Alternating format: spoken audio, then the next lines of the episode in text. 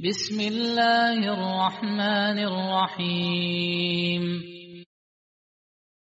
إن الحمد لله نحمده ونستعينه ونستغفره ونعوذ بالله من شرور أنفسنا وسيئات أعمالنا. من يهده الله فلا مضل له ومن يضلل فلا هادي له. أشهد أن لا إله إلا الله وحده لا شريك له وأشهد أن محمدا عبده ورسوله. صلى الله عليه وعلى آله وصحابته أجمعين ومن تبعهم بإحسان إلى يوم الدين. يا أيها الذين آمنوا اتقوا الله حق تقاته ولا تموتن إلا وأنتم مسلمون. يا أيها الناس اتقوا ربكم الذي خلقكم من نفس واحدة وخلق منها زوجها وبث منهما رجالا كثيرا ونساء. واتقوا الله الذي تساءلون به والأرحام. إن الله كان عليكم رقيبا. يا أيها الذين آمنوا اتقوا الله وقولوا قولا سديدا. يصلح لكم أعمالكم ويغفر لكم ذنوبكم. ومن يطع الله ورسوله فقد فاز فوزا عظيما. أما بعد. فإخواني في الدين Jemaah salat Jumat yang saya cintai dan saya muliakan. Rahimani wa rahimakumullah. Semoga Allah Subhanahu wa taala senantiasa mencurahkan rahmatnya kepada kita sekalian. Ketahuilah setiap kita akan berjumpa dengan Allah Subhanahu wa taala. Ketika kita pergi meninggalkan kehidupan dunia ini dan ketika kita dibangkitkan di hari kiamat kelak, maka kita akan menghadap Allah Subhanahu wa taala. Dan ketika itu ada orang yang Allah suka berjumpa dengannya dan ada pula orang yang Allah tidak suka, Allah benci untuk berjumpa dengannya. Rasulullah wasallam mengabarkan tentang hal itu. Man ahabba liqa Allahi, ahabba Allahu liqa'ahu. Wa man kariha liqa Allahi, kariha Allahu liqa'ahu. Barang siapa yang cinta untuk berjumpa dengan Allah, Allah pun cinta untuk berjumpa dengannya. Dan barang siapa yang benci, tidak suka berjumpa dengan Allah, Allah pun tidak suka berjumpa dengannya. Ummul Mukminin Aisyah radhiyallahu anha bertanya, "Ya Rasulullah, akarahiyatul maut? Fakulluna nakrahul maut."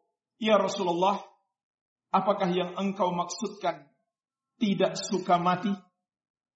Maka setiap kita nggak suka mati. Maka Nabi sallallahu alaihi wasallam bersabda, "Laisa kadzalika." Bukan seperti itu maknanya. Walakinnal mu'mina idza busyira bi rahmatillahi wa ridwanihi wa jannatihi ahabba liqa Allahi fa ahabba Allahu liqa'ahu. Tapi sesungguhnya orang beriman itu ketika dia diberi kabar gembira dengan rahmat Allah, keridoannya dan surganya, dia pun cinta untuk berjumpa dengan Allah, maka Allah pun cinta untuk berjumpa dengannya. Wa innal kafira idza busyira bi azabillahi wa sakhatihi kariha lika Allahi wa kariha Allahu liqa'ahu.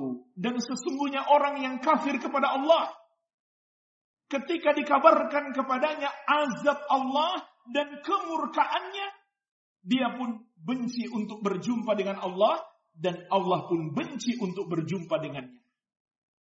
Inilah jemaah sekalian, keterangan dari Nabi kita yang mulia Muhammad sallallahu alaihi wa ala alihi wasallam bahwa manusia itu terbagi dua. Tidak ada golongan yang ketiga. Dia mukmin, muslim atau dia kafir, musyrik. Orang yang beriman kepada Allah dan orang yang kafir kepada Allah. Orang yang beriman kepada Allah itu adalah seorang muslim yang beribadah hanya kepada Allah, yang selalu berusaha menjalankan perintah-perintah Allah dan menjauhi larangannya. Itulah orang yang beriman. Sedangkan orang yang kafir kepada Allah adalah orang yang tidak mau masuk ke dalam agama Allah Islam. Dia berpaling dari Islam. Dia tidak beriman kepada Allah. Dia tidak mengakui kalau Allah satu-satunya Tuhannya, Robnya, dan sesembahannya. Dia pun mengabaikan perintah-perintah Allah, tidak peduli dengan larangan-larangan Allah subhanahu wa ta'ala. Inilah dua golongan manusia. Kata Nabi Muhammad SAW, dua golongan akan dapat kabar Yang pertama orang beriman mendapatkan kabar tentang rahmat Allah, keridoannya, dan surga yang Allah akan berikan untuknya. Yang kedua orang yang kafir kepada Allah mendapatkan kabar tentang azab Allah dan kemurkaan Allah kepadanya. Kapan jemaah sekalian kabar itu datang? Menjelang wafat. Sebagaimana diceritakan oleh Nabi Muhammad SAW di dalam hadis yang lain. Menjelang wafat akan turun malaikat sebelum kedatangan malaikat maut. Akan turun sekelompok malaikat untuk mengabarkan ini. Dan mereka berbeda. Kalau orang yang beriman datang sekelompok malaikat yang wajah mereka bersinar putih dan mereka membawa kain kafan dari surga dan aroma yang sangat harum dari surga. Merekalah yang akan mengabarkan berita ini kepada orang yang beriman. Sebaliknya, kalau dia orang kafir, yang akan datang kepadanya sekelompok malaikat yang hitam, menyeramkan, membawa bejana dari neraka. Di situlah kelak mereka akan meletakkan ruhnya. Dan jemaah sekalian, di dalam Al-Quran, Allah subhanahu wa ta'ala juga telah berbicara tentang ini. Innal ladhina qalu rabbuna Allahu thumma istaqamu tatanazzalu alaihimul malaikatu. Sesungguhnya orang-orang yang mengatakan Rob kami adalah Allah yang menciptakan, menguasai dan mengatur segala sesuatu dan hanya dia yang berhak disembah. Summa istaqamu, kemudian mereka istiqamah, tatanazzalu alaihimul malaikatu. Maka akan turun kepada mereka malaikat. Allah telah sebutkan tentang turunnya malaikat ini di dalam Al-Quran. Menjelang wafatnya orang yang beriman. Lalu para malaikat itu akan menyampaikan tiga kalimat. Kalimat yang pertama, Allah tahafu, janganlah kamu takut. Maknanya kata para ulama ahli tafsir, Allah sudah memberikan jaminan keamanan terhadapmu dari azabnya.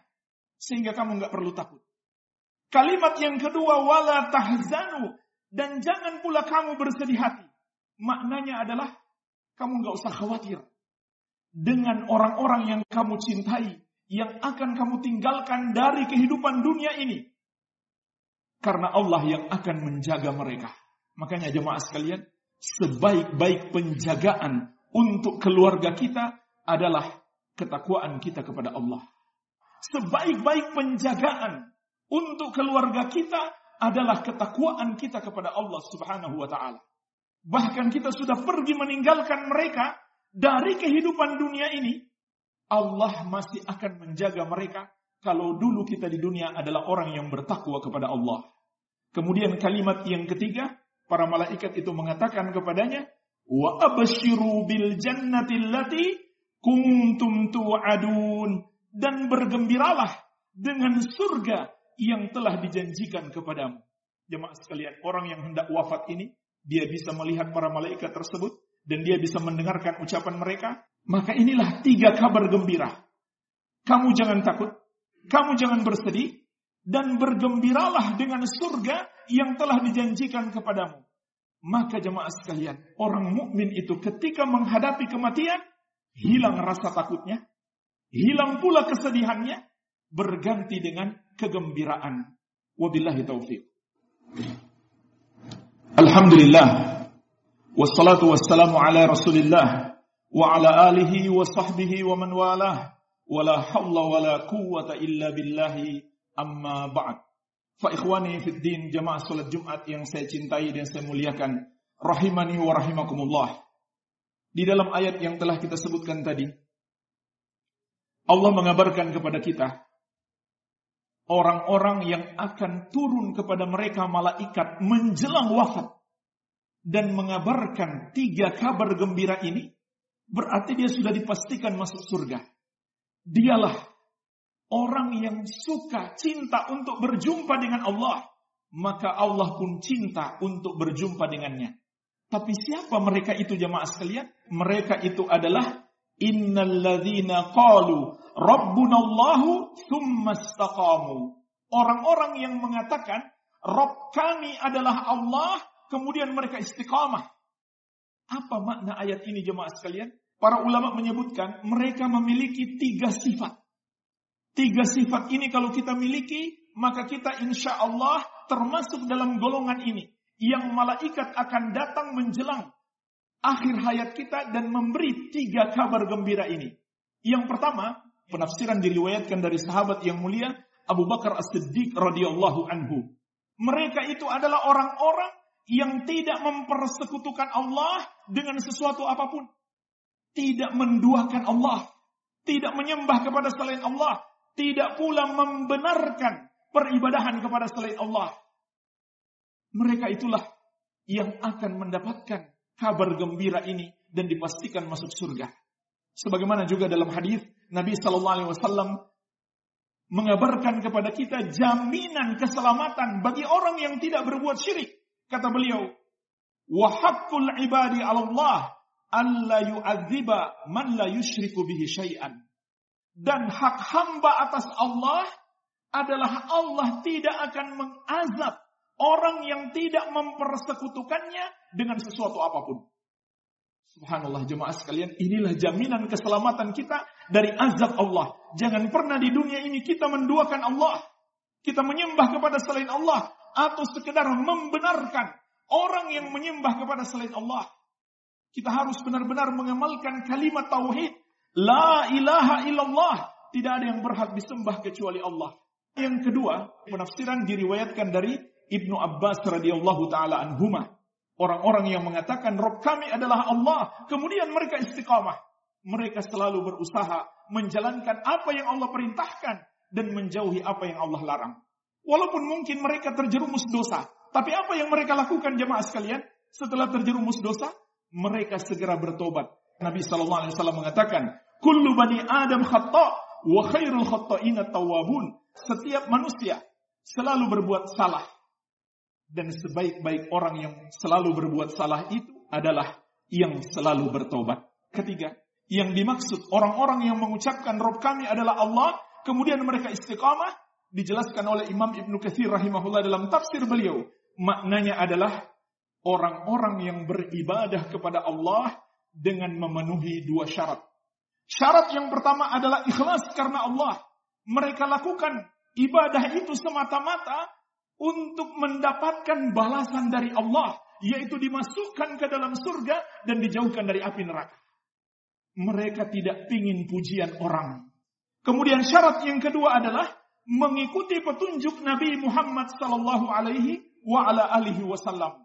Ketahuilah jemaah sekalian, ketika kita beribadah kepada Allah, namun kita tidak ikhlas, kita ingin pujian manusia, saat itu ibadah kita berubah menjadi dosa besar. Yang sampai tingkat syirik. Walaupun syirik kecil, tapi itu adalah dosa yang paling besar setelah syirik besar. Sebagaimana sabda Nabi Sallallahu Alaihi Wasallam, "Akhwafu ma akhafu alaikum syirkul asgar." Fasu'ila anhu faqala riya. Yang paling aku takutkan menimpa kalian adalah syirik kecil. Beliau ditanya, apa itu syirik kecil? Kata beliau, itulah riya. Orang yang beribadah kepada Allah lalu ada terbetik dalam hatinya dan dia biarkan saja niat itu ada dalam hatinya yaitu niat ingin dipuji orang. Maka jemaah sekalian ingatlah ada orang yang beribadah bukan dapat pahala malah dapat dosa besar. Karena dalam hatinya ada keinginan supaya dipuji orang itulah riya. Kemudian kalau kita beribadah kepada Allah, walaupun kita ikhlas karena Allah, namun tidak mengikuti petunjuk Nabi Muhammad SAW, maka percuma jamaah sekalian, amal ibadah kita tidak akan diterima, sebagaimana beliau tegaskan, Man amila amalan laisa alaihi amruna fahuwa raddun. Barang siapa mengerjakan satu amalan, tidak ada padanya petunjuk dari kami, maka amalan tersebut tertolak. Inilah jemaah sekalian, makna yang ketiga, sifat mereka yang ketiga, beribadah kepada Allah dengan memenuhi dua syarat, ikhlas karena Allah dan selalu berusaha mengikuti petunjuk-petunjuk Nabi Muhammad sallallahu alaihi wa ala alihi wasallam.